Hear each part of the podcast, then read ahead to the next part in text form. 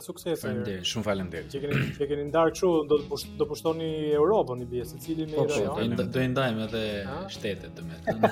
po, të fillojmë të marrim taksa këtu. Brian, por rrugtimi jot si ka qenë domethënë deri tash? Si si ka qenë jeta jote deri tani se po të pyes nga që nuk të njohim personalisht. Po. Jeta ime ka qenë skandal, bëj shaka. Ë jeta ime ka qenë relativisht, domethënë le të themi rrugëtimi im deri këtu ku jam sot. Ë po ta mendoj pak, domethënë ka, ka progresuar në mënyrë shumë shumë natyrale, të them drejtën, nuk kam pasur shumë uh, vështirësi të mëdha. Pra që do të thotë, fotografia është një pasion që unë e kam pas, që kur kam qenë i vogël, më saktë ka qenë i trashëguar, sepse dhe babai im e ka pas hobi fotografinë. Pra, unë nuk e di ça datë lindje jeni ju, ça viti, domethënë unë jam i 90-s. Dhe pra jam 32 vjeç. Ne jemi 5 vite pas teje. E qartë. Dhe në atë kohë, besoj dhe ju e keni përjetuar pak a shumë që në Shqipëri nuk është se e para njëherë nuk kishim smartphone, nuk kishim që se tani me një celular bën foto. Sa xhaxhin aty që ta printon. Ato dhe gjithë ato që donin pastaj vetë të ishin të bënin fotografi, duhet merrshin aparatin me film, sepse po. dhe në dhe në Amerikë deri në vitet 2000 standardi profesional ka qenë aparati me film, nuk ka qenë aparati digjital, flas po. SHBA. Pra imagjino në Shqipëri. Ë dhe ishte e vështirë, domethënë që ti të kishe pasion fotografinë, nëse nuk do kishe një person që u merrte me atë para se ti të lindje, domethënë që ta jo ta ta sepse babi nuk është se ka tentuar ndonjëherë të ma fusi si si pasion. Thjesht ajo ka qenë një gjë që ishte e ndodhur mm. aty, më kupton? Si më thon mm. si dielli që lind çdo mëngjes. Edhe unë kam lind, kam lind me që kur jam rrit, që kur kam filluar të kuptoj botën, kam pas fotografi rreth e rrotull meje dhe ka qenë një gjë që e kisha gjithmonë aty, si më thon. Dhe me kalimin e kohës, pastaj duke parë foto, madje pjesa që mua më ka bërë më shumë, domethënë që që më ka futur në në idenë që duhet të bëj foto, ka qenë kur kam parë uh, foton e gjyshit tim, që në atë kohë, domethënë mund të kem qenë 10 vjeç unë, në atë kohë ka qenë gjallë. Edhe ishte një foto e gjyshit tim kur ka qenë i ri, bardhezi, po flokët kafe, pa më pak rrudha. Këtë e ke edhe postim apo jo gjyshin... E ke edhe në post Instagram? Po, e kam treguar, e kam treguar më, më kanë pyetur nëpër intervista, në fakt. Për, okay. E kam treguar në intervistë. Dhe uh, ndërkohë gjyshin e kisha aty dhe ajo gjëja më bëri një kështu si mind blow, e ke parasysh që është i njëjti person, po këtu në këtë fotografi është më i ri dhe më bëri të kuptoj kohën që ka kaluar. Sa vjeç isha atëherë? Që kur është bërë kjo foto. Mund të isha mund të isha 10 vjeç. Ishe shumë mirë. Jo? Po kjo është shumë e rëndësishme për fotografinë, më fal që të, të ndërpres. Po. Se koha ngec aty. Te ajo kornizë që ti ke apo te ajo foto që ke, kjo është gjëja më e bukur. Edhe kënga e Ed Sheeran, Photograph, e, e thot këtë në mënyrë shumë të bukur, domethënë që ne kemi ngecë aty, këtu kemi qenë të dy. Po. Të dashuruar dhe unë atë dua të shoh gjithmonë thotë, ai ku jemi këtu. Kodaku, nëse e keni parasysh po, firmën, po, Kodak, po. e di e keni dëgjuar besoj. Ë në vitet 90 Kodaku ka qenë një kompani që bënte filma për aparat. Normalisht kanë pas konkurrentët e vet, Fuji Film, Agfa, kanë qenë ca të tjera domethënë. Dhe Kodaku bëri një fushë, nuk e mbaj mend fikse 90-ën atë pak më parë mbase mos mos ta them datën fikse, por nëse në ato lloj vitesh bëri një fushat uh, me një slogan dhe vetëm prej atij sloganit Kodaku u bë leading në në shitje të filmave. Dhe slogani ishte uh, Kodak Film helping you create memories. Pa. Pra, nuk nuk e reklamoj që un po të shes një film që ti të bësh foto, po e reklamoj që me anë të këtij filmit, pra reklamoj ndjesinë, pra. që ti krijon kujtime. Domethënë me anë filmit tonë ti krijon kujtime dhe reklama normalisht është shumë e bukur me shumë me ndjesi me njerëz që bënin foto njëra tjetrën dhe pati një boom shitjes dhe u bë leading në fuqia e marketingut, fuqia e marketingut ajo po, është. Po fuqia e marketingut, por që e gjeti shumë bukur sepse deri në ato kohë fotografia sepse normalisht me avancimin e teknologjisë avancon dhe pjesa e pra përdoruesit bëhen si me thënë me kompjuterin në 90-ën nuk kanë pas shumë njerëz kompjuter, personal computer, PC.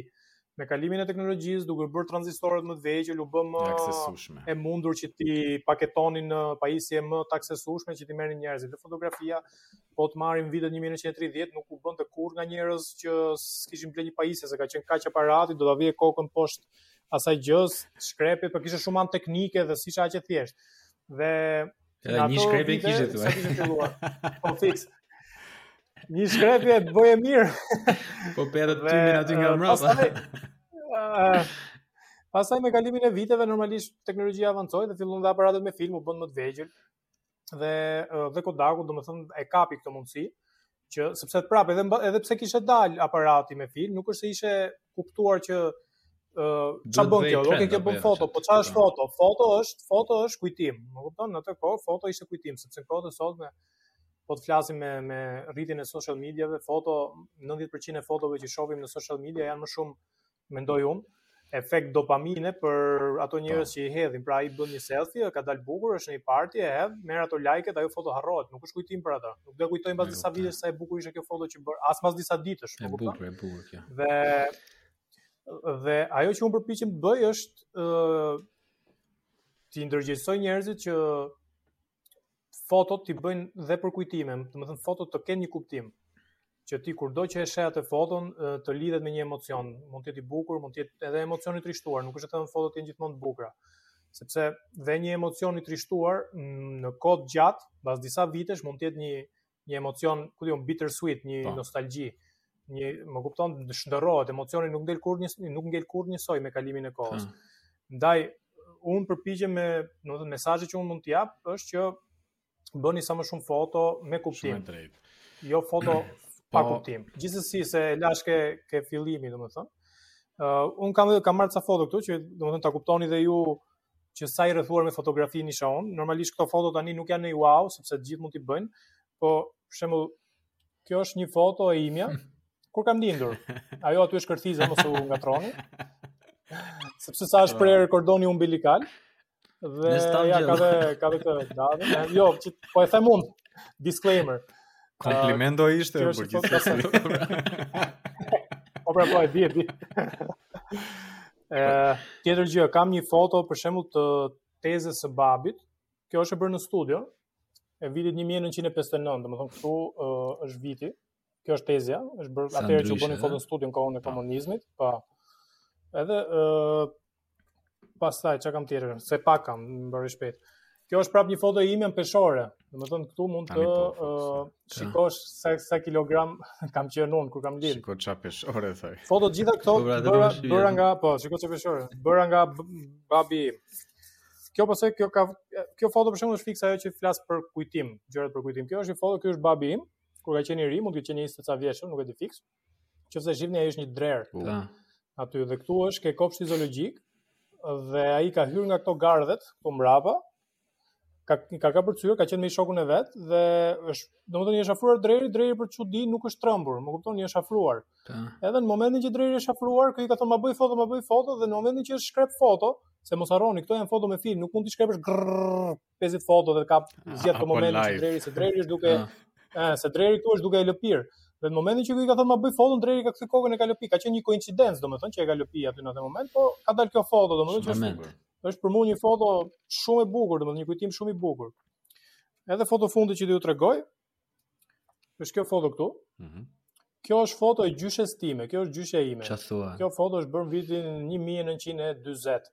Domethënë gjyshja ime kur ka qenë e vogël, shihet veshja ne jemi tironc, shihet veshja që ka pas atëre, lagja, pra 1940-ën, më kupton sa sa para sa i bie, uh, 60, i bie 90 vite.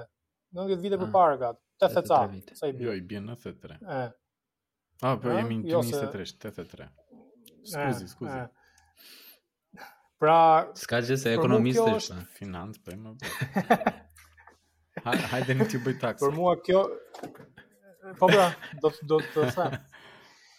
Uh, për mua kjo është fuqia e fotografisë. Për mua fotografia është si vera. Sa më kohë ta lësh, aq më e mirë bëhet. sepse kujtimet sa më kohë të gjatë të kalojnë me kujtimet që ti ke, aq më të vyera po, mm, bëhen. Unë desha të shtoja diçka, sepse kur na tregon këto foto të viteve 40 apo 50 apo edhe babai juaj më vonë, është atëre bëje shumë më pak foto dhe normalisht diçka që është më e po. rrallë ka edhe më shumë vlerë. Sot duke qenë se është kaq e lehtë të bësh shumë foto siç edhe ti grrresh shtyp aty dhe nuk mbaron më, është pa limit përpiqemi që të bëjmë shumë foto kur jemi në disa evente të caktuara dhe nuk shijojmë momentin. Ky është risku që do thoja un kemi ne sot duke qenë se është kaq e lehtë për të bërë foto. ë uh, përpiqemi po. që të fokusohemi të bëjmë ato fotot aq të bukura se duam t'i ndajmë me njerëzit apo me rrjetin social e kështu me radhë dhe harrojmë që të shijojmë momentin. nuk e di nëse ke, nuk e di Ashtu nëse e ke parë, kam diskutuar edhe me Tadin, është një moment në basketbol, koshi që bën LeBron James dhe thyen rekordin para disa muajsh dhe të gjithë që mhm. kishin shkuar në stadium apo në atë arenë aty, donin që të kapnin këtë moment kur ai bën koshin. Duke kapur fot, po. Duke e gjithë arena mbrapa, të gjithë me telefonë nëpër duar. Dhe momenti kur rekordi është thyer nga më duket ka qenë Karim Abdul Jabbar në vitet 70, të gjithë ishin duke e parë kështu atë, se ishte edhe pak a shumë e njëjta situatë, të njerëzit duke shijuar atë momentin aq shumë, kurse sot ne ishim kështu vetëm për të thënë që ej, un kam qenë aty kur ai e bëri këtë. Pa, pa, pa, është vërtet. E njëjta gjë ndodh edhe nëpër koncerte, pa. Po. nëpër koncerte live. Domethënë i ke të gjithë, nëse shef video 90 përpara, gjithë njerëzit i ke me duar ose duke parë performuesin varet se kush është. Kurse tani, çfarë shef, kush shef turmën në një koncert, gjithë janë kështu. Po. Hop, me celularin aty, ekranet e bardha, sepse uh, është kjo, është avancimi i teknologjisë, sjell sjell uh, avancimi gjithmonë avancimi i teknologjisë në çdo fushë sjell dhe aspekte negative. Uh, mos po. mos kontroll, nuk e di, aspekte nuk mbase s'dua të quaj aspekt negativ, sepse ai robi që do ta bëjë atë do ta ketë kujtim, le të themi, por ndërkohë nuk është aty duke shiju momentin siç e the edhe ti. E njëjta gjë më ndodh, e njëjta gjë më ndodh edhe në rrjetet sociale. Marr shumë komente për shembull nëpër videot e mia, kur fotografoj një person në rrugë që e hedh e hedh atë video, pyesin po ku i gjen ti gjithmonë këto persona kaq bukur, si ka mundësi, e ke parasysh gjëra të tilla. Dhe unë i them mjafton, mjafton thjesht të shikosh vërdall kur je duke ec në rrugë. Dhe do do i shohësh. Po janë edhe të bukur shqiptarë të bukur. Po pa pa diskutim pra pikërisht ke plot. Dhe sepse ça ndodh kur njerëzit ecin rrugëve? 90% e rasteve kur njerëzit ecin në rrugë, o janë me celular në dorë duke shkruajtur një gjë, një mesazh, duke pa një gjë, duke kalu, domethënë kur flas që duan të ikin nga pika A në pikën B, e kupton? Ose janë duke u marrë me hallet që kanë në mendjen e tyre, pra nuk është se ecim në si pilot automatik, besoj edhe mund të ndodh, edhe juve do t'ju ketë ndodh, edhe kur ikën në punë, je në mend mendimet e tua dhe kur e sheh veten je në punë, më kupton? S'ke absorbuar asgjë nga rruga që ke bërë, s'ke parë asgjë. Dhe unë këtë përpiqem të bëj kur dal për të bërë foto njerëzve, Unë lë çdo shpërqendrim që mund të kem, pra celularin e fus në xhep dhe jam vetëm aty në moment duke parë domethënë duke parë momentin, duke parë njerëzit që kalojnë, duke i vështruar, po tamam duke i vështruar, domethënë fokusohem te ato njerëz, nuk e kam mend, nuk shof ato dhe mendja është në të ardhmen apo në të kaluarën apo në një po më bie celulari po më bie notification. Jam aty te ato. Brian, ehm, um, e përdor më uh, aparatin me film? Uf, e përdor apo? Jo. S'e s'e përdor për për për ca projekte personale po, ose. A arsyeja pse po pyes është se ndoshta duke ardhur dhe nga profesioni i arkitekturës, shumë arkitektë e kanë pasion fotografinë. Unë personalisht nuk e kam, po e vlerësoj shumë, domethënë sidomos shoh ndjek shumë edhe arkitekturë, edhe fotografi arkitekture, që është më ndryshe, besoj e di. Ë uh, po, po, po shumë kolegë të mi e kanë pasion edhe bëjnë fotografi vetëm me aparat me film, domethënë. Dhe argumenti mm. ose arsyeja që japin pse përdorin vetëm atë është pikërisht ky emocioni që këto lloj fotografish mund të të japin ndryshe nga ë uh, është vërtet ndryshe nga aparati dixhital. Edhe ok, në fillim domethënë, ndoshta isha edhe pak skeptik, por mm -hmm. patëm një udhëtim verës në Shqipëri edhe një nga këta po na na bëri foto, domethënë. Të gjithë bënë foto, po një nga pa. këta kishte foton aparatin me me film. Edhe film. kur i mblodhëm fotot në fund, doli sipas mendimit tim, foto me më shumë emocion dhe më të bukura ishin me vërtet tati, domethënë. Ato me film. Dhe thjesht doja të dija ça, dhe më ça mendimi ke, di që në Shqipëri nuk përdoret shumë, sepse kur ishim në Shqipëri po kërkonim për, për, për filma dhe nuk, nuk gjetëm po. shumë. Ka një komunitet, ka një komunitet të vogël, mm -hmm. atëherë mendimi im është ky, e para uh, që ta vazhdoj, si me thënë atë historinë e rrugëtimit po. tim, kur unë fillova më pas në vitet e adoleshencës që të bëja foto, um, i bëja me celular, nuk kisha asnjë lloj aparati. I vetmi aparat që ishte në shtëpi ishte aparati me film i babit tim, ishte një Zenit made in USSR, Bashkimi Sovjetik, domethënë. Dhe kur kur e mora, domethënë thashë me vete tani si do i bëj foto lekë s'kisha se student isha, nuk kisha lekë me ble aparat po. profesional. Mora aparatin me film, Thashë po i jap një shans, nuk e dija fare a, a ekzistonin këtu akoma laboratore që shisnin filma dhe që i lanin. Po kishte ka akoma nja 2 3. Dhe ë uh, më pas, domethënë mbasi mbasi e mora fillova duke kërkuar në internet se s'ia kisha haberin fare të bëje fotografi në mënyrë manuale, sepse aparati me film i ka të gjitha manuale, nuk du t'i hyj teorisë së ekspozimit që ke tre tre gjëra për të kontrolluar, por ana teknike, sepse me, me si me celular, si me aparat digjital, ti mund ta vësh në auto atë dhe shkrep ajo dhe kompjuteri çipi që ka brenda i bën vetë po. gjitha fotot. Aparati me film nuk ka as kompjuter, nuk ka asgjë, të gjitha duhet t'i bësh ti me dorë. Dhe dy vitet e para, unë domethënë nga mosha 18, sepse në fillim them të drejtën e mora kur isha 16, po m'u duk shumë i komplikuar dhe thjesht e lashë, vazhdova me celular. Më pas thashë t'i jap një një hmm. shans, isha çik më i rritur, kisha çik më shumë durim, si me thënë.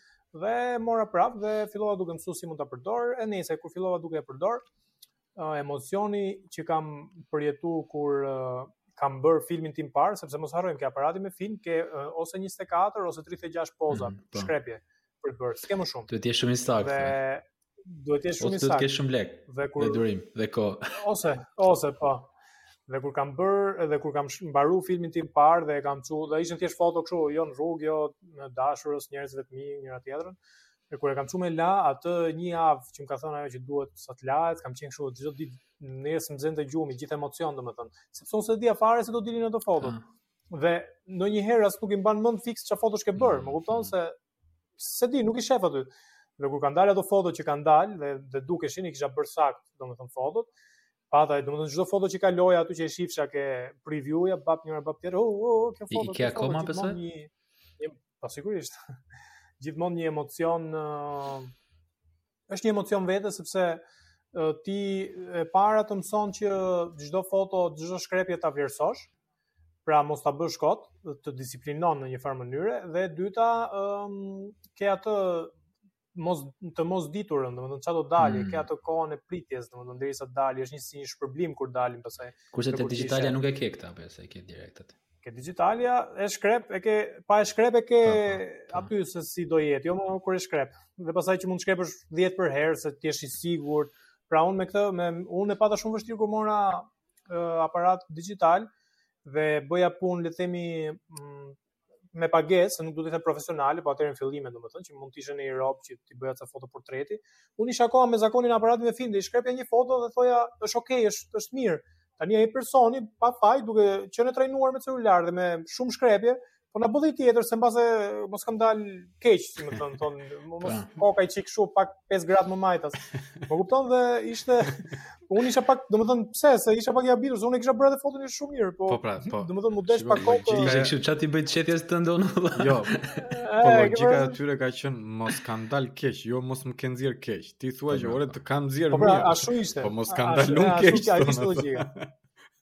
Sepse sepse ata ata normalisht ishin të mësuar me me një siguri nuk e kishin nuk e kanë tek vetja apo ke fotografi, po e kanë ke siguria e aparatit që mund të bëjë më shumë se një foto në moment. Po, po.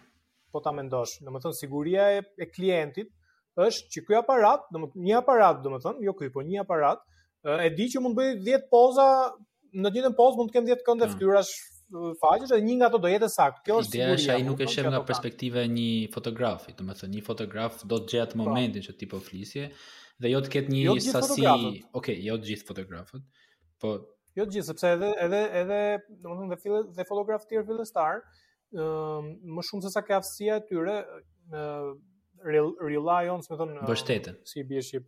Mbështeten, mbështeten tek siguria e teknologjisë që ofron aparati që un mund të kap 10 foto në një në 5 sekonda dhe një nga këto 10-at tani do jetë mirë se po s'qe le po, kamerën po, fare po. dil pension, më kupton?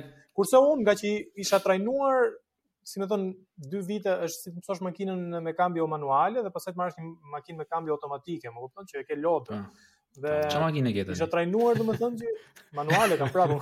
Nuk ndryshon ai. Jo. Domethënë janë bër janë bër 15 vite që po punon si fotograf apo jo? Se thejnë 6 mosh. Në në mënyrë profesionale janë bër 5 vite. Në pasion po janë bër, mm, domethënë që, që kur kam marr kamerën e parë kështu janë bër.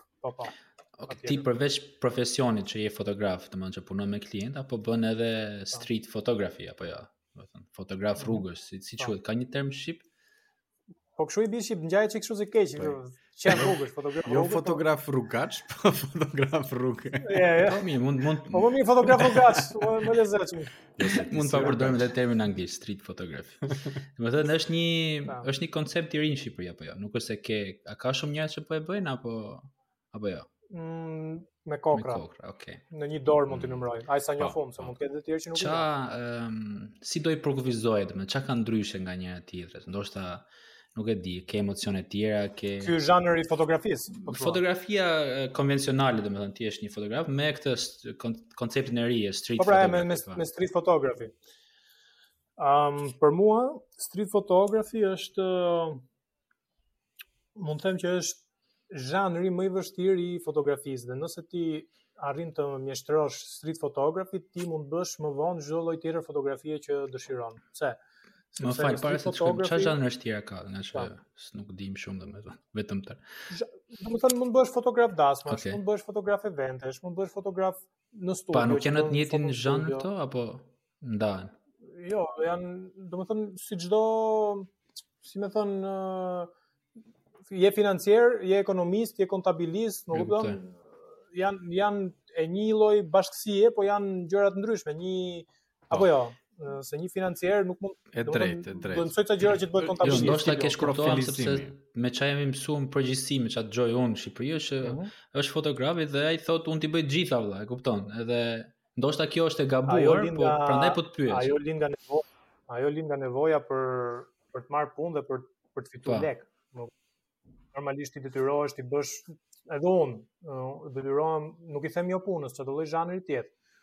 Por uh, kam një siguri në vete që a, e bëj atë lloj zhanri. Pse? Sepse është fiks, domethënë është këtu ku dua të dal street photography, ma ka dhënë atë siguri. Ëm um, street photography nuk ke asnjë element të kontrolluar. Ta. Po. Fotografia e rrugës, ti del e para nuk ke një subjekt që e di do kap këtë do kap këtë personin o vëlla sot, e ke parasysh? Jo, do dalësh, do ecësh dhe do shohësh një moment. Tani kur shef ti atë momentin që do ta kapësh në foto, ë uh, prap duhet të kesh parasysh shumë faktorë të tjerë. E para uh, anën teknike që kur dali foto ai person se ai mund të jetë duke ec, mund të jetë duke vrapu, mund të jetë duke marrë një gjë nga toka, varet çfarë mund të duke bërë, pra motioni, uh, lëvizja. Hmm. Që lëvizja duhet të jetë e ngrirë që dali, domethënë varet çfarë efekti do, se mbase do dhe efekt që lëvizja të jetë ë uh, dali kështu si blur, hmm. domethënë ai sigurisht. E di që në arkitekturë përgjithësi përdorin këtë blur motion, domethënë. sepse në arkitekturë, architectural photography, domethënë po. gjithmonë uh, personi është në motion, sepse fokusi është te godina dhe jo tek personi. Po. Godina, ah, qartë. Eh, pikërisht. Në pra, rastin tënd është e kundërta. Është aspekti po. teknik. Po, po mund të jetë tash, mund të jetë që unë kam bërë dhe foto të tilla që me me qëllim njerëzit janë lëvizje për shembull. Ky është një anë teknike. Tani, nëse ti mëson këtë anën teknike si të ngrish subjektin tënd, nuk po them njerëzit, subjektin, se mund të jetë dhe një zog po. subjekti, mund të jetë dhe një qen, nuk ka rëndësi. Ë, uh, e mësove këtë gjë, tani këtë gjë ti mund ta aplikosh edhe kur je në një dasëm. Kur je në një dasëm dhe po kërcen dhëndri me nusen, ti tani e di si do ta bësh që këto të jenë në, të ngrirë për shembull, ose nëse do që të jenë në lëvizje, më kupton, e ke mësuar nga nga street photography. Gjë tjetër, ti mund të jesh duke kapur atë subjekt, po në në të njëjtën kohë kalon një re në qiell dhe ta errëson komplet uh, pamjen që ti doje ta bëje, sepse uh, syri është syri i njeriu është mjeti më i avancuar uh, optik që ekziston. Syri i njeriu balancon dritën, ti shef e keni vënë re kur bëni foto me celular kur ka një që për shembull kapti gjethet dhe qielli të deli zbardhur. Pavarësisht se ti me sy e shef që është blu. Mm. Kjo është ky është limitim në teknologjinë optike të celularit. Syri është, domethënë i balancon ato gjëra. Kurse me celular apo dhe me aparat duhet ta mësosh si ta mm. si, si ta parashikosh atë gjë. Pra duhet duhet ta kesh që mund të ndodhi ose jo, por duhet ta kesh parashikuar që mund të ndodhi dhe duhet të mësosh si ta evitosh. Pra nëse del ajo reja, mos dali foto e errët. Më kupton aty që subjekti jot, të dali të dali e ndriçuar foto gjithsesi. Mëson pra është kështu si si si të shkosh në një kamp militar, nuk e di si mund të ta përshkruaj, sepse duhet mësosh duhet mësosh të kompozosh në moment, domethënë sepse edhe kompozimi është pjesë e rëndësishme e fotografisë. Ti, ti e ke parë si një sfidë këtë, fillimisht e ke menduar se duke ë uh, jo, në fakt unë shqyr zotit me kam më lindi një një hobi dhe do ta shpjegoj mm -hmm. pse. po që ta mbaroj po. këtë pjesë. Pra, street photography të mëson të kompozosh në moment. Domethënë e, e shef aty momentin dhe ta kompozosh foton, se thash nuk nuk e ke, ti nuk është se e di që pra po marr shembullin e një fotografi dasmash. Tani do dali dhëndri me nusen, do hidhen këto, do plasen këto tullumbacët, dhe ti do jesh po. në mes që ti po. kapësh këtë gjë, e di që do ndodhi. Aty nuk e di, më kupton, dhe duhet, duhet në bazë të rregullave që ka kompozimi, duhet t'i mësosh ato rregullat dhe të adaptohesh në moment. pjesa e subjektit, siç thash, të ngrish subjektin, ta izolosh subjektin, ta ta lësh subjektin të duket me njerëz tjerë vërdall varet nga qëllimi, nga çfarë do çfarë lloj foto do të kapësh ti. Ka shumë, domethënë dielli, pastaj është tjetër gjë e rëndësishme, të mëson ndriçimin. Ky ndriçimi për shembull që kanë bërë këtu çfarë bëjnë, po. Po këtë e vura re dhe këto dritat këtu. Po, po. Ky ndriçimi që kam vënë unë këtu, ça bën, ky simulon, si me thënë, dritën e diellit. E kam vënë në këtë lloj këndi, sepse aq herë sa kam dalë në rrugë për të bërë foto, kam kuptuar si funksionon dielli, kur është në lindje, kur është në mesditë, po. kur është në perëndim, si bie, ça hijesh krijon, ë uh, ça ndriçimi i fytyrës, kur është momenti i keq si nuk duhet të jetë për shembull drita që del foto më e shëmtuar mm. me trial and error, ja. Po. më kupton sepse kam dalë në çdo orar, kam dalë në lindje, kam dalë në perëndim, kam dalë në mesditë. Kam dalë në ditë me shi, kam dalë në ditë me mjegull. Ku preferon ti të bësh fotot në këto momente të ditës? Ditë me shi, ditë me mjegull, jo, po, po edhe ato i shfrytëzoj sepse dalin ca foto interesante. Tani nëse flasim për reels interesante kështu muzikë kështu. Po.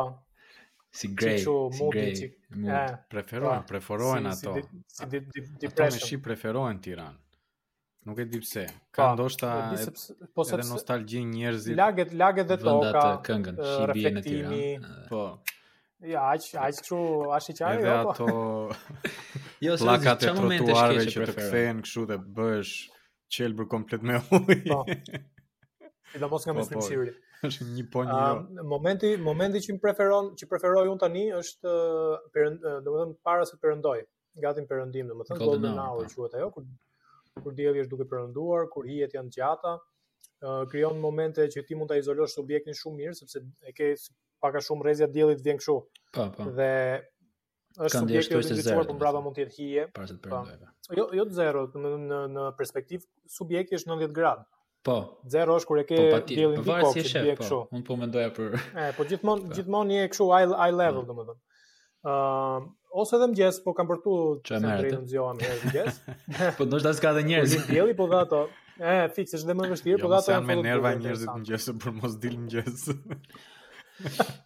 Po ndoshta e shikoj, po ndoshta gjen në moshën në moshën e tretë, se një nga ato për ato po. që kam parë unë që dhe me vërtetë më kanë pëlqyer shumë të tuat, është ato fotot dhe reelsat e moshës tretë, domethënë.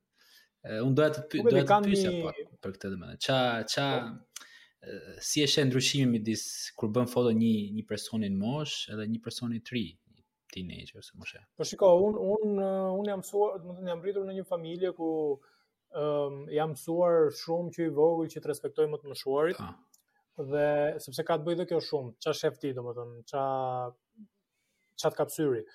Dhe dhe me kalimin e viteve kam pas dhe një lidhje shumë të ngushtë me gjyshin tim, e kisha si shok të ngushtë, domethënë, dhe domethënë kam pas gjithmonë një si lloj debulese për më të moshuarit. Ta. Po dhe kur dal që bëj foto, ajo që shoh te të moshuarit, më pëlqen shumë lëkura me me me rrudha. Mm -hmm. Domethënë për mua rrudhat tregojnë që ti uh, i ke kaluar ca gjëra në histori, dhe histori dhe një një foto që në një personi të moshuar që ka shumë rrudha, uh, nuk e di trem për mua, se është thashë është subjektive ajo gjë.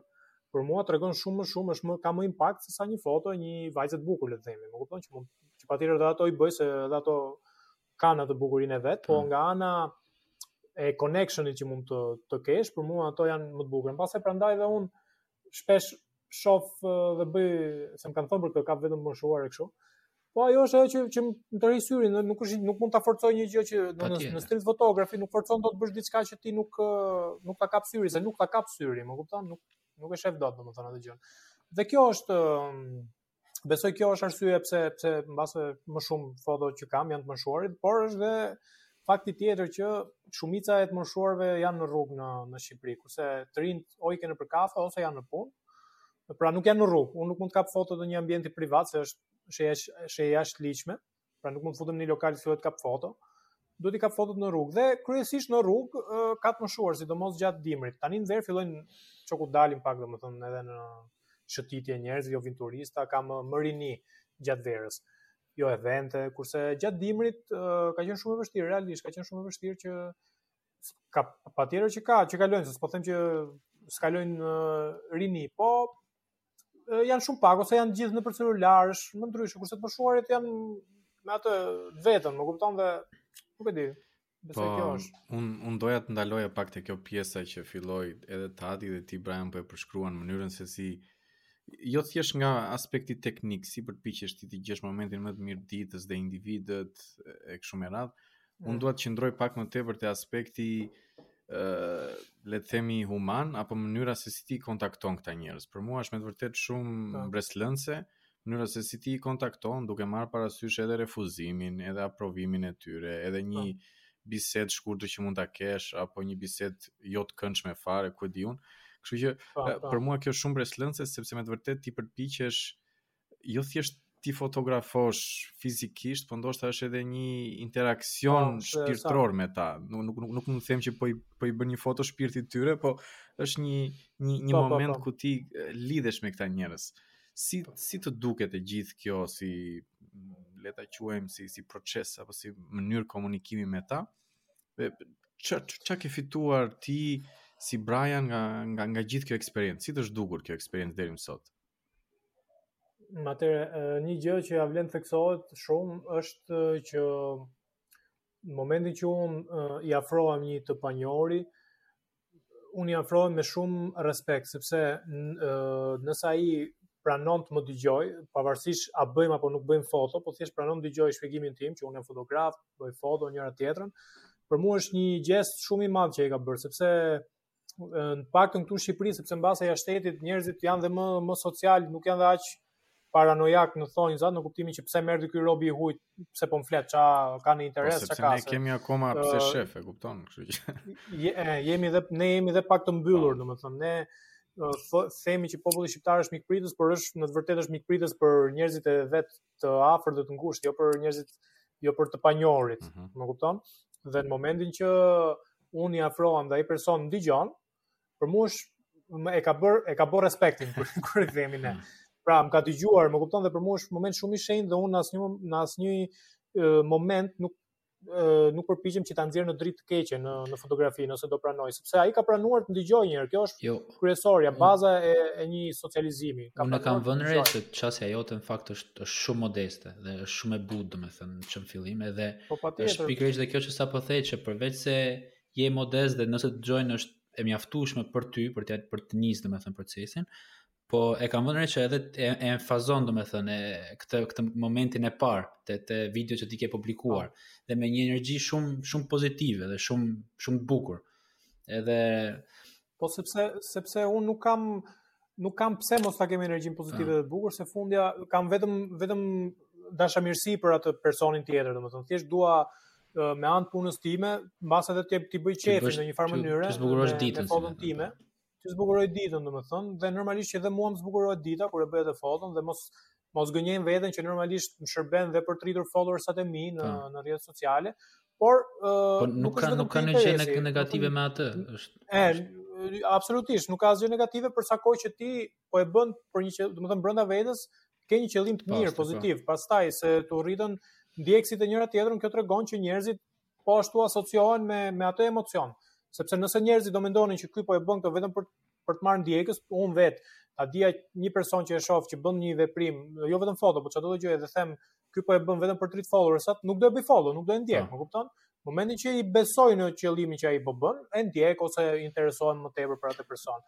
Dhe besoj kjo gjë tregohet kur ti realisht e ke spontane. Dhe unë mendoj se kjo gjë tregohet nga Instagrami jot. Unë dhe madje ti ma vërtetove këtë gjë edhe momentin e parë kur të kontaktova, domethënë siç ta thash kur po flisnim telefon, nuk prisja të më ktheje përgjigje po. kaq shpejt ose ti ishe direkt po e bëjmë episodin.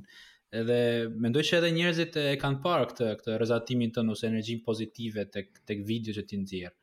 Kështu që edhe po, edhe, edhe ne po. edhe ne të, të pam ty nga këto video, domethënë na dole në Instagram. Unë do shtoja dhe origjinalitetin, sepse shpesh e, e harrojmë këtë aspekt në mënyrën se si paraqitet një histori në një form reels apo në një foto mm. apo në një debat, në një diskutim, në, në një bashkëbisedim që ti ke me njerëzit, është shumë origjinale mënyra se si ti i qasesh komplet kësaj procedure nga fillimi deri në fund dhe unë këtë e kam vlerësuar shumë kur e kam parë.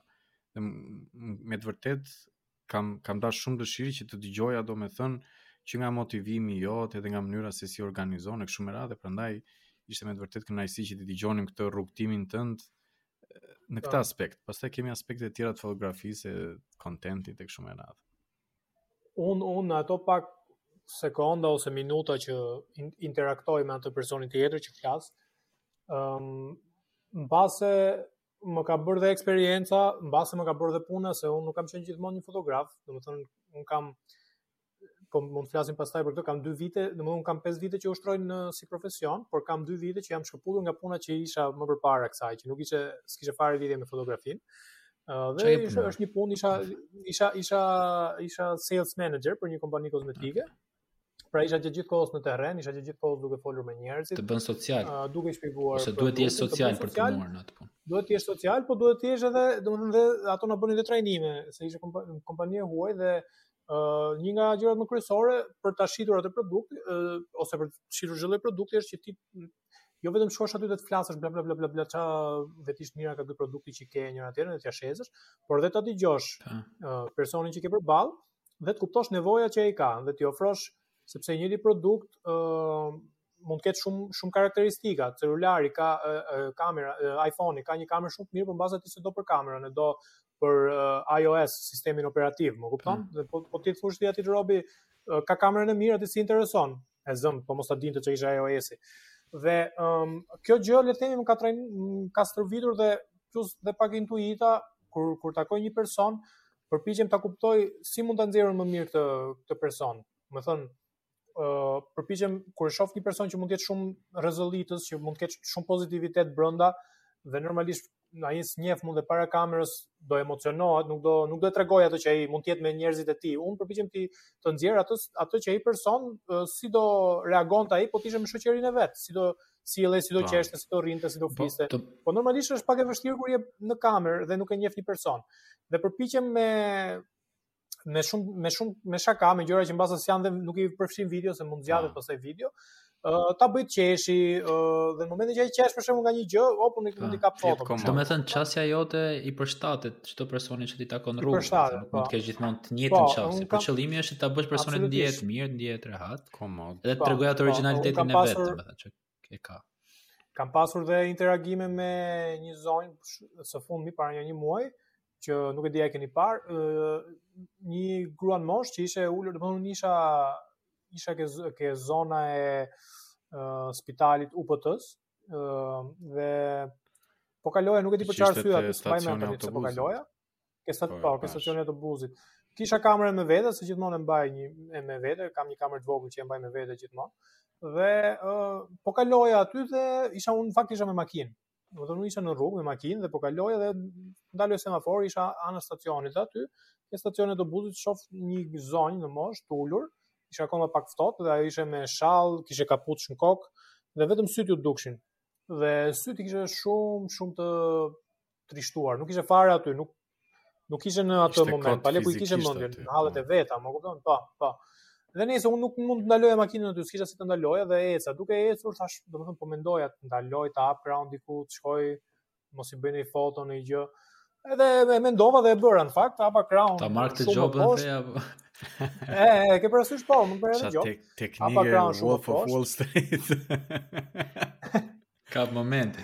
Edhe shkova, shkova po domethënë parkova shumë poshtë, domethënë ishte nja 5 minuta të shkoja, dhe thashë me vete inshallah është akoma aty dhe inshallah s'ka ardhur. Inshallah vonohet urbani. e. Deshi që shkova unë aty dhe ajo ishte aty dhe jo vetëm që ishte aty, po erdhi autobusi dhe ajo nuk hipi, nuk e di çfarë autobusi po priste. Po nejse domethënë kishin ardhur njerëz të tjerë, u boshatis prapë, ngeli prapë vetëm ajo. Po pastaj iu afrova, nuk e di a keni parë po, videon, po, i, i shpjegova që jam fotograf, një e tjetra, mund të bëj foto, ajo m'u shumë. Kishte burrin me diabet. Ajo më shumë kështu, po patjetër. Po, po. Dhe uh, unë në një moment e pyes atë, i thashë të, të pashë pak si të mërzitur, sepse e pashë, dukej që ishte e mërzitur, më kupton se po, po t'ia kisha fut kot, ajo do thoshte, "Jo, mo çun se mirë jam, e ke parasysh, mund të thoshte një gjë të tillë." Po, ajo tha që kishte burrin me diabet, e kishte shtruar ke ke spitali. Ë, uh, nuk e kishte në gjendje shumë mirë dhe vetë s'ishte mirë. Fëmijët i kishte larg, i kishte jashtë shtetit, sa kishin ikur, se unë e pyeta të ndihmon dikush për burrin. Jo, dy fëmijë tha kam, i kam jashtë shtetit, po ato kanë hallet e veta, tha mua se sa janë, kanë ikë si emigrantë, po përpiqen të gjejnë punë. Shumë histori tipike histori... shqiptare që edhe mua edhe pa. Po. fundi do ta tregoj unë fundin e kësaj.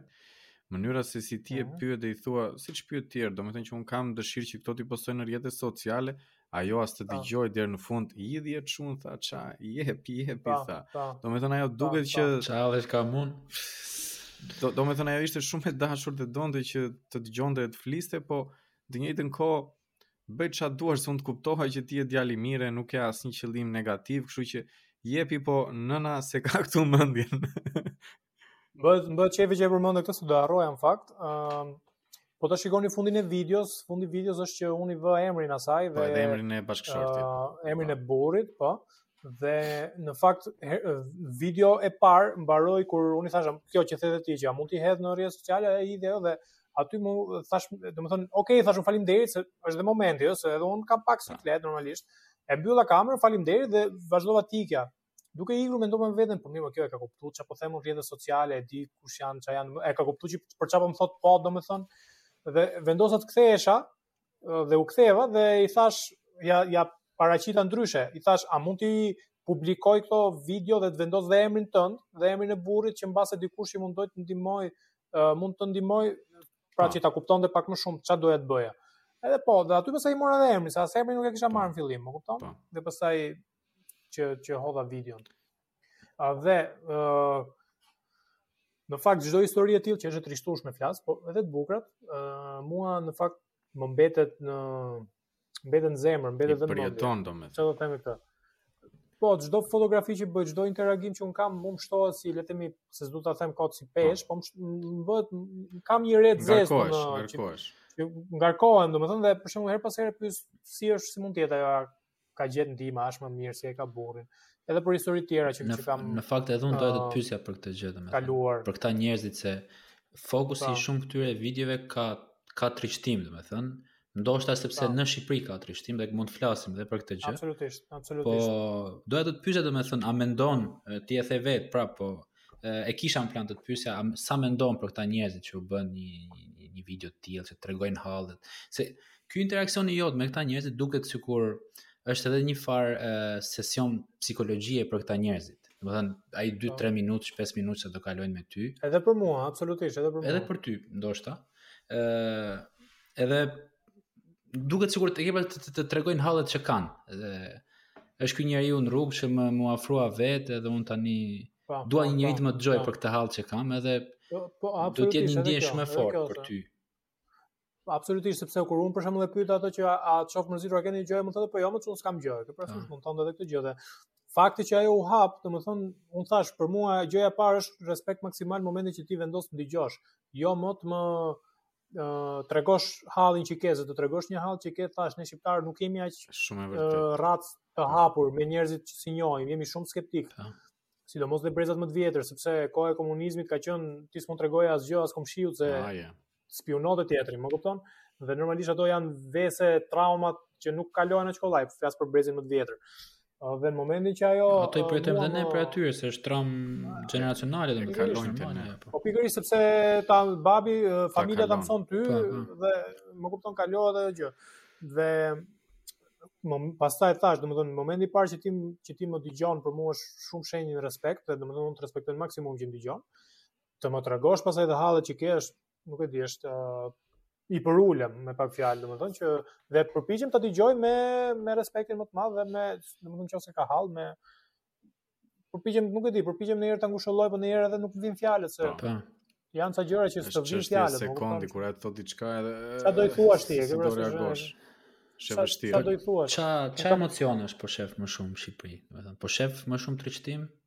Sheh lumturi, sheh nxitim, nuk e di, ça, na mm. thuaj pak për këtë pjesë. Në Shqipëri për mua mbizotëron ça emocionesh mbizotëron në Shqipëri, për mua mbizotëron trishtimi dhe dhe ndjenja e arratisë. Kur flas ndjenja e arratisë, nuk flas vetëm të arratisem nga ky vend të iki jashtë shtetit, po flas ndjenjë arratie nga problemet që që një person mund të ketë. Çfarë do të them? Ëm um, njerëzit këtu o janë, domethënë shumica flas e njerëzve, o janë të të të mërzitur, ok, nuk po them të trishtuar, se mbase është pak të. Po. nuk janë të trishtuar, por janë të mërzitur. Unë e quaj një grad më poshtë, varet si si merret si konotacion.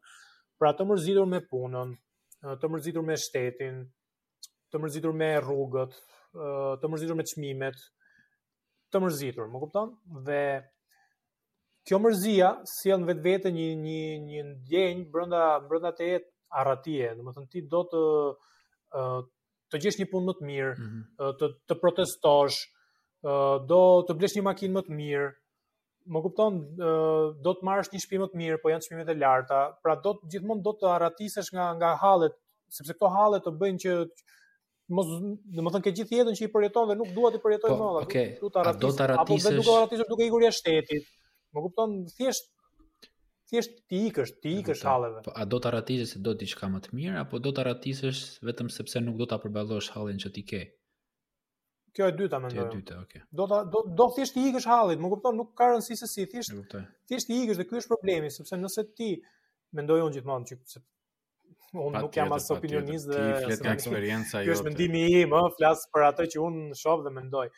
Nëse ti do do të zgjidhësh një hall që ke uh, arratisja nuk është mënyra më e mirë t'i t'i t'i ikësh ti hallit, ta, ta lësh mbrapa, sepse aty do jetë, ta shmangësh, duhet ta përballësh dhe të përpiqesh ta kalosh me mënyrat e tua, por shumica e njerëzve këtu mendoj unë, ngaqë janë aq të ngopur me me qindra halle, se s'kanë vetëm një, nuk shumë njerëz sepse kërkon një një mendoj unë kërkon një një rezistencë mendore shumë të fortë që të thuash, okay, ça kam un kam një hall, dy hall, tre hall, katër hall.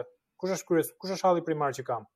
Ë uh, po ia fus kot, një shtëpia, qeraja shumë e lartë, më kupton? Ok, kush është halli i dytë? Halli i dytë jam shumë larg nga puna. Kush është halli i tretë? Halli i tretë s'kam makinë, nuk e di dhe sipas hallit përpiqesh ta mm, rregullosh. Po. Më kupton? Ti t'i japësh zgjidhje, jo të arratisesh, jo thjesht dhe kur kur un them që është një ndjenjë arratie, kur ke një ndjenjë arratie për shumë gjëra, në fakt në fund ditës nuk bën asgjë dhe thjesht ngel aty. ngel po në vend, më kupton? Sepse thjesht nuk do të përballesh me këtë problemin që ke sot, do të përballesh nesër, po vjen e nesërmja të del një gjë tjetër, nuk do të përballesh dhe nesër, vjen e pasnesërmja nuk do të pra janë më kupton, nuk di se sa mirë po po jo, shpjegohem, janë shumë shumë të mëdha gjatë gjithë kohës në mendjen e tyre, domethënë i shoh sikur janë gjatë gjithë kohës kështu. Kjo arratia gjatë gjithë kohës. Gjithë ky por nuk ikin në asgjë. Gjithë ky emocion ty t'është dhuruar nga fotografia.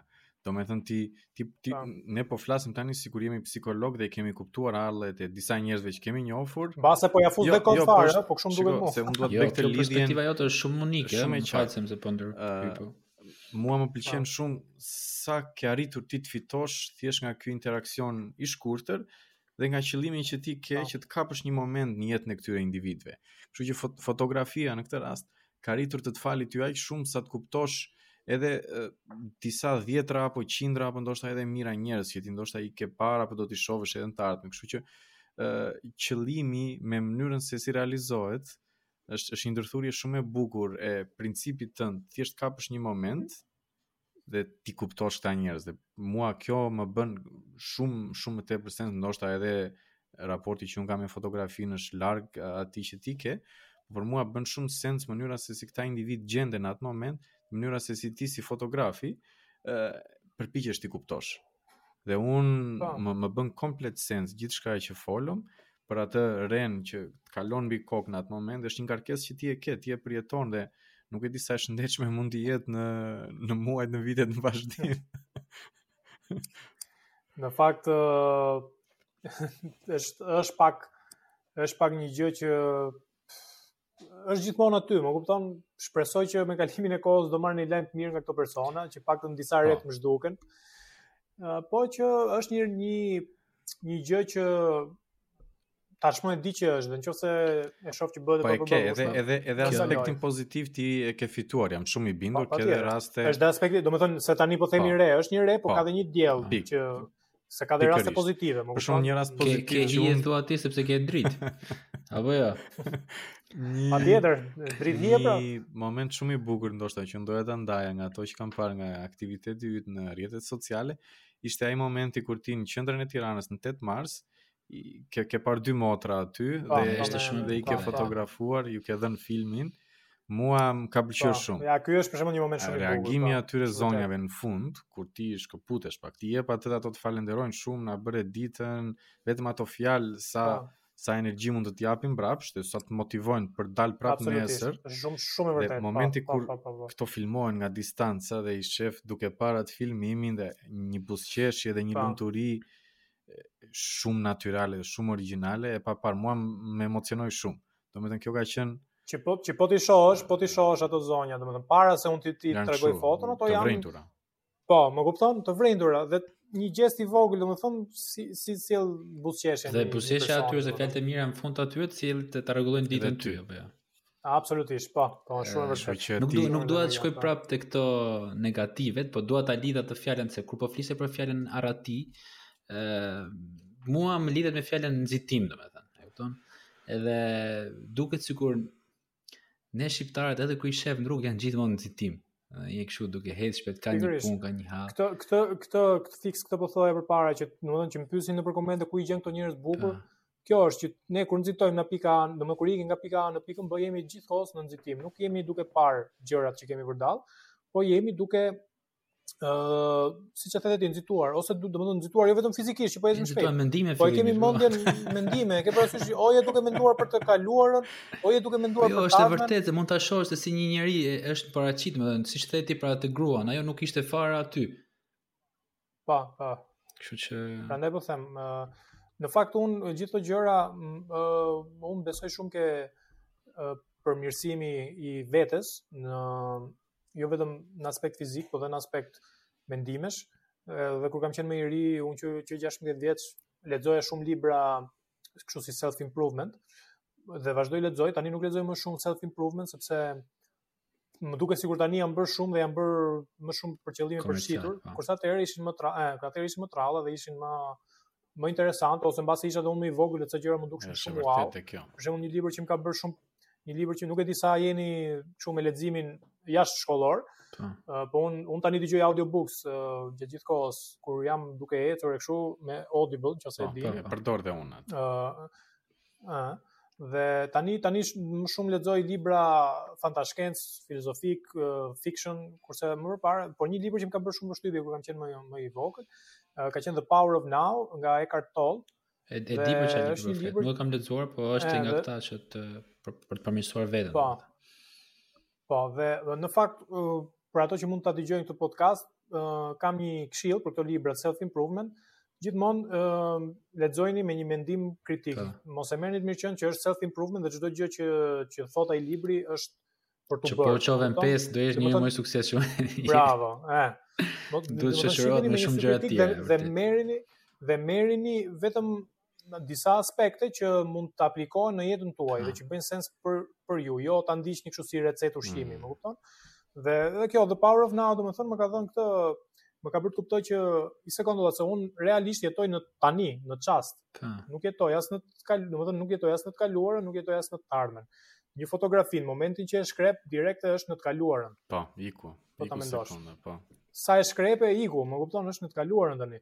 Tani ti je përballë me atë robin je tani në tashmen, domethënë mos mos u fokusoni domethënë gjithmonë te hallet apo se si do jetë e ardhmja, mm. sepse të ardhmen mund mos ta dish, ato që ke kaluar ke kaluar, fokusohu aty, shijoje momentin që je tani sepse në qoftë se ti e shijon momentin që je tani, ai moment që je ti tani, bëhet një kujtim i kaluar pozitiv. Po. Më kupton? Pa. Po. Sepse shkon, shtohet në të kaluarën, po e ke pozitiv, sepse e ke shijuar je aty në moment. Dhe gjithë, domethënë gjithë këto gjëra më kanë i aplikoj pra dhe kur dal për të bërë fotografi, moment, gjëja që un fokusohem është për shembull sepse mund të kem lexuar këtë librin, mbase po mos ta kisha lexuar këtë librin, nuk do isha fare duke i bërë këto gjëra, mbase do e kisha realizuar në një mënyrë tjetër. Power of now, për po. gjithë dëgjuesit. Po, the power of now. Ti ke qef the power of habit. Unë jo se kam qef, po e kam lexuar Power of Habit, flet për zakonet dhe veset, domethënë. Po mendoj që kam dëgjuar atë Atomic Atomic Habits. Atë nuk e kam lexuar, kam parë, por nuk e kam lexuar. Ah. Ajo që the ti ah. është e drejtë, domethënë, këto libra të self improvement njerëzit duhet t'i lexojnë sepse shkruan gjëra të mira në libra, por duhet parë gjithmonë ah. me një sy kritik edhe pak me skepticizëm, sepse s'mund të marrësh çdo gjë që lexon aty sikur si të mirëqenë, që mund ta aplikosh në jetën tënde. Ëh, Por është mirë t'i dish sepse mm. vlerëson ose kupton gjestet në më më më, më, më mirë, domethënë. Edhe ajo që ajo që gjithashtu i mungon uh, shumë mendoj unë në këtu në Shqipëri pa. është mendimi kritik, pa, critical pa. thinking. Që do të thotë njerëzit këtu i marrin shumë shumë gjëra, i marrin ashtu siç janë, nuk i vënë në në pyetje, më kupton, nuk i vënë në diskutim. çfarë shohin në media, çfarë analizojnë, nuk analizojnë hiç. E marrin këtë analizojnë që kjo gjëja a e vë re këtë te interaksionet që ke me njerëzit. E e vë re te interaksionet, po e vë re edhe shumë nëpër komente. Kjo më kjo është më e vërteta, edhe unë këtë do të thoja, oh. sepse e, e kam vënë re edhe unë s'e doja të kapesha me ndonjë koment thjesht të krijoja një ide për pa. Po. jo jo për ndjekësit, se ndjekësit janë gjithmonë të ndryshëm, po çka kërkojnë ata shpesh nga ty. Dhe shumë e drejtë që nuk përpiqen të jenë kritik fare dhe të mendojnë një situatë ku ti ke qenë apo një video që ke bërë apo një foto, po thjesht kapen me një ide shabllon aty fik bum dhe dua ta jetë kështu këtë. Pa e vrarë mendjen fare, pa analizuar të të thellosh me vërtetë një herë, ore prit çfarë po them mirë, apo çfarë po mendoj. Po, po, po. Dhe pastaj ta nxjerr. Kështu që kjo është shumë e vërtetë. Po kjo është, unë këtë ia vë komplet faturën leximit, se duhet të jesh komplet mendjehapur, të kapësh disa perspektiva të ndryshme për të qenë kritik. Dhe siç e the edhe ti, ti e ke pas edhe kur merr një libër për të ndihmuar këtë mendimin kritik, ti je kritik.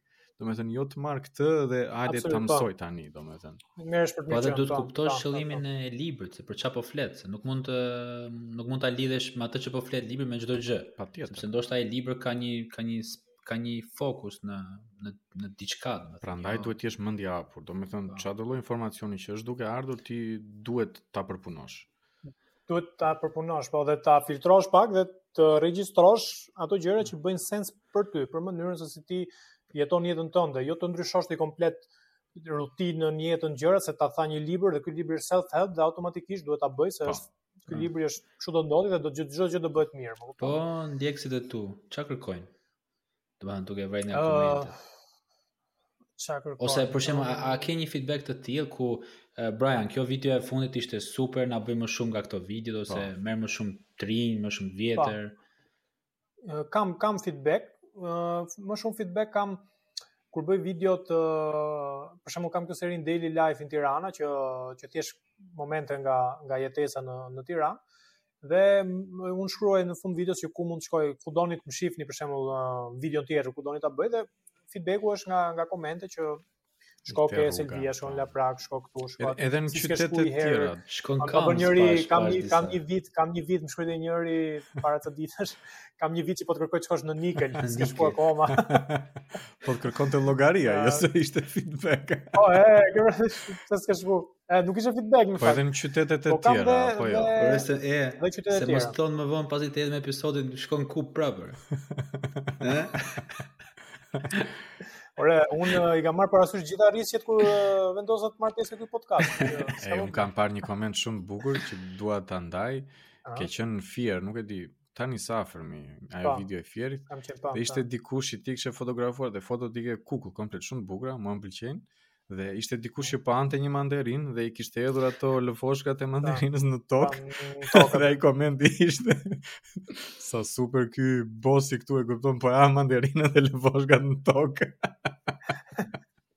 Ajo ishte shumë e bukur. Ka ka dhe komente, ka dhe komente funny, po ka dhe komente konspirative do të thoja. Mm. Shumë shumë komente konspirative që tregojnë faktin që njerëzit mendojnë që njerëzit mendojnë se videot e mia janë stage, domethënë janë të montuara, që unë i njoh ato njerëz dhe është montim domethënë çdo gjë. Mm.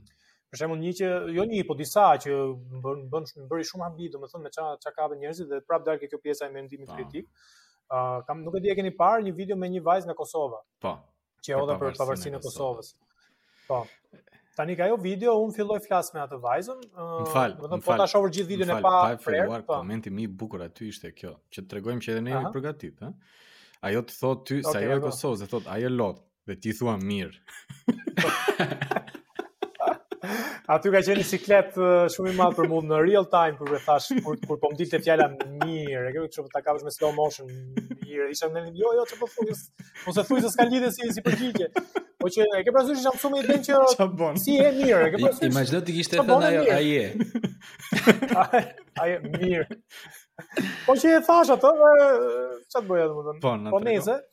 Ë ishte ishte domethënë po ta shohësh videon e paprerë, Madje unë e kam bërë reply këtë, kështu që është aty, po gjithsesi ajo s'mori shumë views reply. Ë sepse unë e preva videon sepse ishte shumë e gjatë dhe unë filloj flas dhe i them që quhem Briani, jam fotograf, ndërsi vërtet ajo nuk kishte dëgjuar për mua. I tregoj TikTokun, e shef, edhe thot po mirë hajde i bëjmë fotot. Dhe unë i them si quhesh? Rubina thotë ajo quhem. Ok, dhe unë siç thash un jam Briani dhe tani un pjesën dhe pa e menduar shumë, pjesën që i them që i bëj gjithë atë shpjegimin e gjatë e preva mm. sepse ndjekësit e mi tani e dinë që çfarë shpjegimi do i bëj, mos u zgjat shumë video. Dhe e filloj nga momenti që pyes atë për emrin, që i them si quhesh Rubina. Edhe vazhdon video që i them unë siç thash un jam Briani dhe vazhdon gjithë komentet tani që janë aty domethënë kuotojnë atë që them unë, siç të thash, pra ti e ajo ja ke thënë më përpara emrin, domethënë që ju njiheni, më kupton? Po shumë, shumë komente të tilla, domethënë që ju njiheni se si ti the siç të thash unë që jam Briani, pra ti po e njeh më përpara. Po, xhelozia e njerëzve. Tani, po ta mendosh pak, vetëm pak sekonda, uh, e parë herë, siç të thash, jam Briani, nuk do të thot që unë e kam takuar atë dje, dhe po e takoj prapë sot, dhe siç të thash dje, Unë jam Briani. Ose siç të pata thënë për një vit, një vit për një vit. Po. Domethënë shprehja nuk, ajo shprehja nuk përdoret. Nuk përshtatet ti... shumë me një person që ti. Ajo është e momentit, më kupton që ti thua siç të thash. E gjithsesi e bëra reply ato, që, ato pjesën e parë që i them që unë jam Briani, kështu e hodha ato që ta kenë ata dyshuesit domethënë. Edhe më bëhet qejfi njëherë sepse kam tani disa disa komentues që si më thënë më mbrojnë pa Nuk e mbroj unë më veten, ah. po më shkruajnë që për shembull kërkoj falje tani se ja ku e ke edhe video ndjera të tilla, më bëhet qejfi një herë këtu. Ke suportues. Tani unë doja të afroheshim prapë te ai profesioni jot street photography domethënë. Okej. Okay. Ehm, okay. a ke pas momente ku besoj se ke pas uh, momente ku njerëzit që ti ke pas të interaksionin të kanë dhënë një mesazh të bukur në fund të të asaj interaksionit domethënë. Me mesazh e ke fjalën literalisht që thonë një mesazh apo po a ke ndoshta nuk e di a ke bërë ti ndonjë pyetje të ka pëlqyer personi dhe ke ndjerë ke pyet a ke një mesazh ndoshta ata të kanë thënë ose thjesht kanë treguar historinë e jetës tyre dhe po jo historia e jetës është një mesazh në fakt qartë Në fakt jo, nuk i kam bërë kurrë, nuk i kam bërë kurrë pyetje të tilla sepse nuk dua ta shndërroj në një tip interviste, e kuptoj, po. Nuk e di, tip interviste, sigurisht diçka kështu e stisur, e kam lënë thjesht të thonë ato që duan të thonë dhe nëse më është dukur diçka interesante për ta përfshirë në video, e kam përfshirë. Po. Por ë uh, besoj një mesazh në mënyrë indirekte mund të ketë qenë nëse e keni parë atë atë burrin Idrizin uh, me plis, me mustaqe. Unë në fakt duke parë atë video, prandaj më më lindi kjo pyetje. Se mm. ajo m'u duk si po. pak si mesazh ai interaksioni me atë. Po, ai ai po mund them që ishte një një një lloj mesazhi që të ruajmë uh, traditat, të ruajmë uh, vlerat dhe fakti që ti ke plis dhe ke mustaqe të gjata s'do të thotë që ti je një njeri i trashë, një njeri që s'merr vesh në qoftë se ruan traditat, sepse ai kishte dhe... Kishte dhe, dhe këngë, kam tre këngë në YouTube, dhe, po, dhe, po, dhe ai, ai m'u duk një formë mesazhi që në fakt traditat tona po t'i marrësh, domethënë, janë shumë të veçanta normalisht, po, sepse mos harrojmë që shumë të bukura. Gjuha shqipe është e vetmja gjuhë në bashkësinë e gjuhëve indo-europiane që është është degë në vete, shqip, shqip dhe armeni, armenisht, se po, dhe armenisht bën pjesë po. te gjuhët indo-europiane, janë që nuk lidhen, pra nuk është as ke latinishtja, nuk është nuk ka një branch, nuk ka një degëzim, është është ajo që është, domethënë dhe ë gjuha e një populli tregon shumë për gjithë gjithë historinë e, e popullit. Çfarë do të thotë kjo që që ne nuk jemi nuk nuk jemi asimiluar në kuptimin si kulturë dhe kemi marrë um, kulturën e një tjetrit. Patjetër, është futur shumë turqishtja se 500 vite pushtimi osman, por uh, traditat tona mbeten tonat. Më kupton këtë hmm. këtë këtë dua të them dhe besoj ai ishte në një formë në një farë mënyrë një një po, mesazh. Po, për, a mendon se jem... më fal se se mm -hmm. do a po, mendon po, se të rinjtë e sotëm ë uh, nga kjo diskutimi që bën me të rinjtë rrugëve, a mendon se po përdorin më shumë fjalë ose shumë fjalë anglisht? A, a e shef këtë gjë? A, ah, po, po. Kjo është e vërtetë. Në fakt dhe unë përdor shpesh fjalë anglisht. Edhe ne këtu sot sa herë kemi ah. përdorur. Ah, absolutisht. A, ah, pikërisht. Dhe po sidomos të rinjtë flas ky që quhet Gen Z. Mm -hmm. Gen Z ta thanë, ta thanë piten po përdor një shprehje frazeologjike shqip. Ta. Me gjëra më Si do e përkthenim në anglisht. Po pra, përkthejeni ju. Se më çfarë doje të pyesje? Po shaka. Ë, uh, jo unë isha te te kultura që po flisnim dhe te individët që edhe transmetojnë sot akoma diçka shumë interesante dhe ndoshta do ishte një far propozimi për Brianin është sepse kam vënë edhe re që ke qenë në Italinë e Jugut këtë periudhën e fundit ndoshta e pash nga ajo e Napolit. Po një Napoli po edhe një tjetër. Komuniteti arbëresh në Shqip, në, në Italinë e Jugut mua më ka bërë shumë përshtypje prej disa vitesh. Dhe mënyra se si ata e flasin atë shqipen e vjetër, se po flisnin për gjuhën, mua për mua është mbresëlënëse, domethënë që ata individë ai komunitet që është goxha, është relativisht i madh, nuk është i vogël, e komunikojnë atë shqipen po, e vjetër dhe e kanë ruajtur prej më shumë se 500 vitesh. Dhe ndoshta mhm. nëse ti shkon aty dhe je me të vërtetë, unë këtë e kam ëndrrën time që do ta bëj se nuk është larg e shkojmë shumë kollaj aty, po thjesht më duhet shumë kohë, se nuk dua të shkoj një ditë, dy ditë, dua të shkoj 3 javë, ku e di unë mhm. një muaj në Italinë e Jugut dhe vetëm të njoh shqiptarë që flasin atë apo apo arbëresh po. që flasin gjuhën. Dhe ndoshta edhe ti në një prej këtyre interaksioneve që ti ke me njerëz, mund ta bësh edhe aty sepse ka me të vërtetë një komunitet shumë të gjerë shqiptarësh arbëreshë që janë shumë mbresëlënës dhe mund ta lidhim edhe me këtë aspektin pozitiv që ti e ke pafund e tregon në videot e tua që shikoni sa gjatë ka ka ka ka rezistuar dhe është akoma e fortë edhe sot kultura jonë e arbëreshve dhe mund ta transmetosh me me kamerën tënde. Po, Kjo do po, ishte po, shumë patjetër. interesante. Kjo ë, ë, qëllimi im është të mm, të fot- me anë të fotografisë time, domethënë të bëj të ditur çdo të bëj të dëgjuar le të themi çdo cep të Ti e promovon kështu, po. të kulturës të kulturës shqiptare le të themi në një farë mënyre, se s'dua të them ë sikur është një fushatë që unë po bëj. Po kjo është qejfi im, pasioni im, pra duhet të iki edhe te ai fshati që që është i padëgjuar, të shoh ato njerëzit aty çfarë bëjnë, duhet të iki dhe dhe në veri, duhet të iki dhe në jug dhe patjetër pse jo me ikë dhe dhe në Italinë e jugut, atje ku ka arbëresh. Normalisht është akoma një ëndër, sepse unë me po gja e kam vështirë të dal jashtë Tirane po. prej punës. Por qëllimi im pse jo, nëse ecën mirë kjo gjë, nëse në fakt edhe për këtë doja të pyesja po mbase pak më vonë për shembull nëse hap këtë kanal e kam hapur po nëse ky kanal i YouTube-it mund të heci nëse monetizohet nuk e di si mund ta monetizoj nga Shqipëria domethënë këtë gjë që mund të fitoj passive income që këtë mund ta përdor për të shkuar atje dhe duke bërë një video atje fitoj para të tjera dhe kjo më lejon të shkoj në një vend tjetër ëm um, është një është një qëllim domethënë që i kam vënë vetes në fakt që dua ta po. bëj. Po mendoj se kjo që tha Semi është shumë e bukur domethënë, është një sugjerim shumë i papar. Ë sigurisht po. ndoshta është pak e vështirë tani për ty, po ndoshta në projeksionet e të ardhmes, ë, se do ishte shumë e bukur të bëje një lidhje mes arbëreshëve dhe shqiptarëve.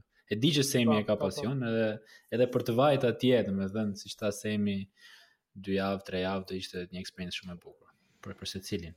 Do ishte shumë e po, veçantë. Po ndonjë plan, ndoshta jo detyrimisht afat shkurtër, afat gjatë që ti ke për të ardhmen, si mendon se do vazhdojë karriera e Brianit si fotograf? Plani im, qëllimi im, un kam dy dy qëllime kështu që dua t'i konkretizoj momentalisht. Një qëllim është që të jap, domethënë të arrij në një pikë që mund të jap kurse dhe mësim për fotografi. Mm. Dhe qëllimi tjetër është ky, të jem elektron i lirë falë mundësisë, qoftë se nuk e di kjo mund të realizohet a jo këtu në Shqipëri të YouTube-it. të YouTube-it. Kjo kjo e dyta e YouTube-it është shumë do jetë shumë gëzim për mua nëse ndodh, sepse do të mund të kem mundësi të udhtoj në Shqipëri në fillim mbase, po mbase më vonë edhe po. jashtë Shqipërisë. Por dhe kjo e para është një gjë që mund më pëlqen të flas, se më kanë pyet shumë njerëz për kursin, në fakt, normalisht un jam pak OCD siç e vure re edhe me këtë setupin që m'u desh shumë kohë ta bëja sepse doja që të ishte fiks siç si je detajist je dhe jam e, dhe këto janë dy dy qëllime që nuk janë afat shkurtra janë po. pak afat gjata po siç thashë, merren gjërat me hapa dhe plotësohen hapat që të arrish te gjëja që do. Po ndërkohë ti ke pas edhe një ekspozitë apo jo? Po, kam pasur një ekspozitë. Në shkurt se. Dhe po. mund të kem së shpejti dhe një të dytë. Mm. Po, si u prit, si ishte, si u prit e para, na thuaj, na na fol pak. Ë, uh, u prit shumë mirë. Më pëlqeu shumë sidomos fakti që vinin njerëz që ok, edhe njerëz që i kisha ftuar, po dhe njerëz që se ishte ishte në publik, ishte në një po, po. pedonale që është bërë aty afër Bar Hemingway, se tani Kont Urani ajo rruga. Uh, sheshi Bukuresht, si e kishte më bëri përshtypje... Po, sheshi Bukuresht, sheshi Kot, Bukuresht, po, nuk e po, di... Po, unë s'e kisha dëgjuar të drejtën. Edhe unë prandaj thashë, sheshi Bukuresht, ku i kanë gjithë këta emra? Se pashë edhe një postim para ca ditësh sheshi Italia, aty para stadiumit pa. Air Albania, diçka aty. Ai po, po. Nejse po, te ekspozita? Uh, doja të theksoja që ekspozita është bërë totalisht me fondet e një agjencie që quhet Agjencia e Industrisë Kreative, pra unë nuk kam hedhur asnjë lek për atë ekspozitë, kanë bërë gjithçka ata. Ata janë një degë e bashkisë. Dhe më kontaktuan dhe më thanë që kishin parë fotot e mia, street photography dhe i kishte pëlqyer, i kishin pëlqyer dhe kishin dëshirë ta bënin në një ekspozitë. Në fakt gjëja e parë që u thashë atyre kur i takova ishte duke qenë se më thanë që jemi mm. degë e bashkisë, Thashë po besoj keni parë që fotot e mia nuk është se janë gjithmonë po. gjëra të bukura. nuk po nuk po tregojmë Tiranën qyteti më i mirë i, eh. i botës. Po. Nuk ka rëndësi thanë atë duam, tha, po. atë realitetin. Edhe m'u bë qejfi domethënë që e vlerësuan në atë mënyrë dhe bënë ata komplet gjithçka printimin, marrjen me qera të ambientit të gjitha. Ëh dhe um, më pëlqente sidomos kur njerëzit vinin dhe nuk jo thjesht kalonin shifnin foto dhe kalonin, po që rrinin, domethënë viheshin para fotos dhe rrinin e shifnin e studionin. Mm -hmm. Uh, pasaj unë shkoja iu afroja me këtë stilin tim që i afrohem njerëzve, po në këtë rast jo për t'i bërë foto, po për t'i pyetur, duke i prezantu që unë jam fotografi, si ju duket kjo foto që po e shifni, pse po e shifni, çka ju bëri përshtypje, çka s'ju bëri përshtypje. E cilat ishin reagimet, çfarë komente kishe?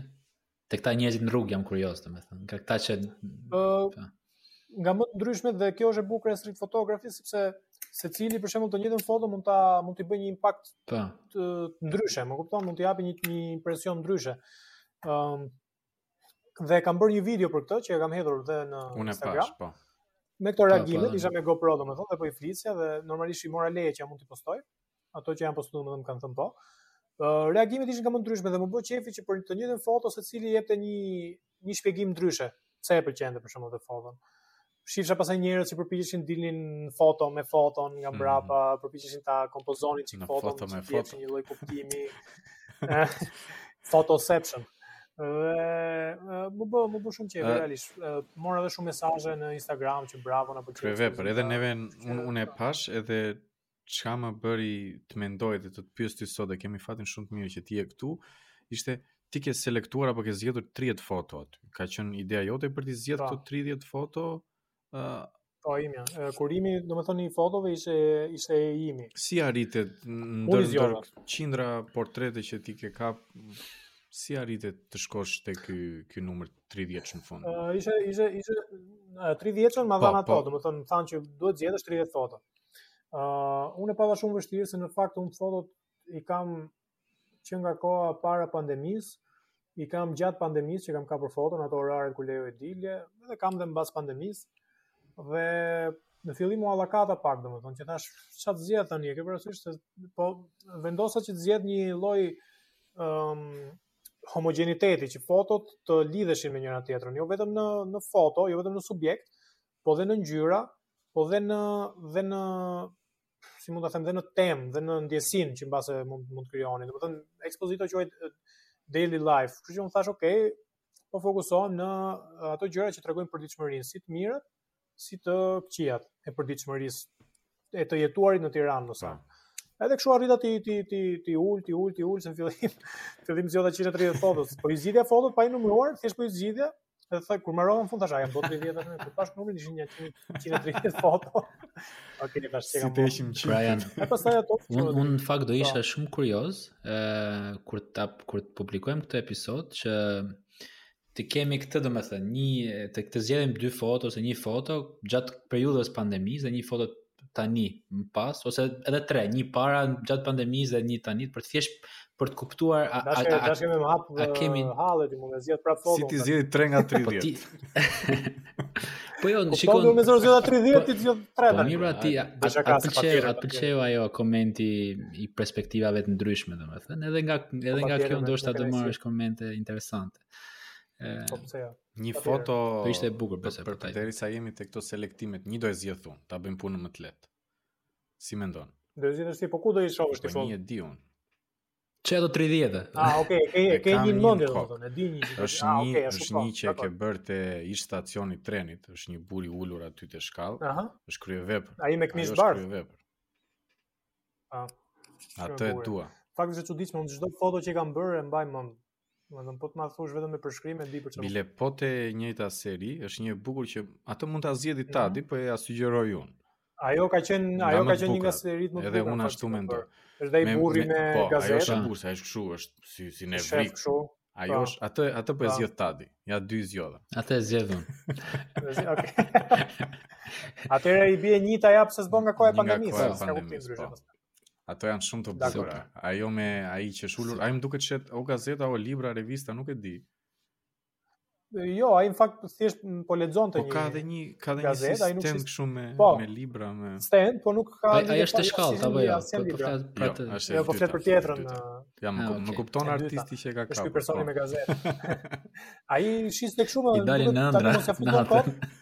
Po, po më duket se shiste kështu, jo jo kështu pjesë për për uh, hidraulik më duket se shiste, jo tuba për mm. lavamane, jo çelsa gjëra të po, tilla më duket.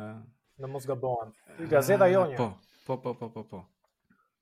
Kështu po më kujtohet dhe mua tani. Nëse do do do e kemi atë. Ëh. Po, po, po, po. Patjetër. Brian, unë... Brian, ti the, mm -hmm. uh, ti the që nuk i pyet njerëzit për kur, kur ke atë interakcion, nuk i pyet për, për një mesazh. Po unë do doja të unë do pra. doja të të pyesja, ke një mesazh për për shqiptarët, për të rinj, për Në fakt unë shpresoj që gjatë gjithë këtij podcasti të kemi dhënë ca mesazhe. Po, patjetër që kemi dhënë. Ia kemi arrit, ia kemi arrit. Po, Po. Nëse do do thoja një mesazh për shqiptarët, unë mendoj që gjëja më e rëndësishme është të kesh të kesh individualitet. Përpiquni domethënë të keni individualitet. Mos u bëni pjesë e masës, sepse jemi popull i vogël, jemi as 3 milion veta më duket me statistika tani kështu zyrtare. 2 milionë 900 a ku di unë diçka e tillë. ë uh, përpiquni të jeni sa më shprehni domethënë shumë uh, gjëra nga nga karakteri juaj, nga mënyra se si jetoni dhe dhe jeni kritik në mendime, jeni kritik në mos i merrni gjëra të mirëqena ashtu siç janë, por uh, analizojini dhe dhe dhe uh, përmirësoni veten. Sepse nëse secili nga ne e bën këtë gjë, nesër pasnesër kur ne edhe të jemi më të mëdhenj, do jemi në një do jemi në një komunitet, se ky është fund të ditës është një komunitet, që gjithë do jemi më të lumtur, gjithë do jemi më të qeshur, gjithë do jemi më social me njëri tjetrin dhe këto gjëra në vetvete sjellin përmirësim të të vendit ku ti jeton. Unë dua që kur dal mbas 10 vitesh në rrugë, mos kap më vetëm fytyra kështu të vrenjtura, sepse ato janë fytyra neutrale, por në vetvete shprehin mendimet që ti ke. Po të jenë fytyra të qeshura, kur kur ti e shef kamerën, mos ngresh vetullën kështu, që çfarë po bën ky, po të qeshësh. Më kupton? Ë, uh, këtë dua dhe ky është mesazhi që që të jap. Shumë faleminderit. Ëm un mua më pëlqen shumë mesazhi sepse me vërtet të qenit të krijuarit një far individualiteti shkon prapë te ajo ideja që ne kishim fillimisht e mendimit kritik. Jam shumë i bindur që duhet të fillosh aty po. për të qenë i bindur në atë çka ti përfaqëson. Absolutisht, absolutisht. Por neve na duhet të jemi të kemi këtë kultin e individualitetit në komunitet, siç e the ti, kështu që të gjithë ne jemi pjesë e një komuniteti ku duhet të bashkëpunojmë patjetër për të bërë një vend më të mirë, për të rritur shpresën te komshia, te roja i parkingut, te gjithë që ne i shohim ku di unë shpesh. Kështu që është zinxhir ajo që i sjell gjitha përmirësim çdo gjë. Jam fort i bindur që ajo është e vërtetë që është zinxhir. Nëse un transmetoj pozitivitet te babai im, te djali im, te komshia e kështu me radhë, kështu shkon ajo zinxhir. Kështu që unë jam i bindur që ti je duke e bërë shumë mirë këtë me videot e tua se ne e kemi parë që shprehin jashtëzakonisht shumë pozitivitet dhe energji. Kjo është kjo nuk nuk nuk është opinion, por kjo është fakt dhe jam shumë i bindur se i shoh edhe çfarë shprehet nga individë të tjerë. Dhe un ndihem shumë me fat që ne sot patëm mundësi të diskutonim këto gjëra që ne i kishim në kokë un, Tadi dhe Meti dhe na u bë shumë qefi që ti na u bashkove dhe patëm mundësi të kemi artistin këtu. Ishte me, vër, me vërtet kënaqësi të të kemi. Edhe Faleminderit, edhe mezi po presim për ekspozitën e dytë, edhe për më shumë gjëra, e kupton? Do them. Do them. Mbase do vini kush e di këtu në po, Shqipëri. Po pra, patjetër. Kur është është plani së shpejti apo se di? Së shpejti është, së shpejti, por uh, akoma besoj nga maj, Mund të jetë.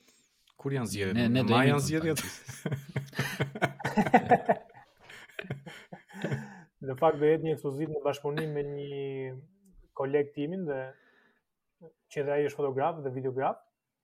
Super. Dhe temën e ka menduar ai, në fakt. Ka ai ka me sa mora vesh unë ai ka pasur në mendje ta bënte këtë ekspozitë më tha pse mos ta bëjmë unë me anë sepse ai bën më shumë foto studio, domethënë unë me anë të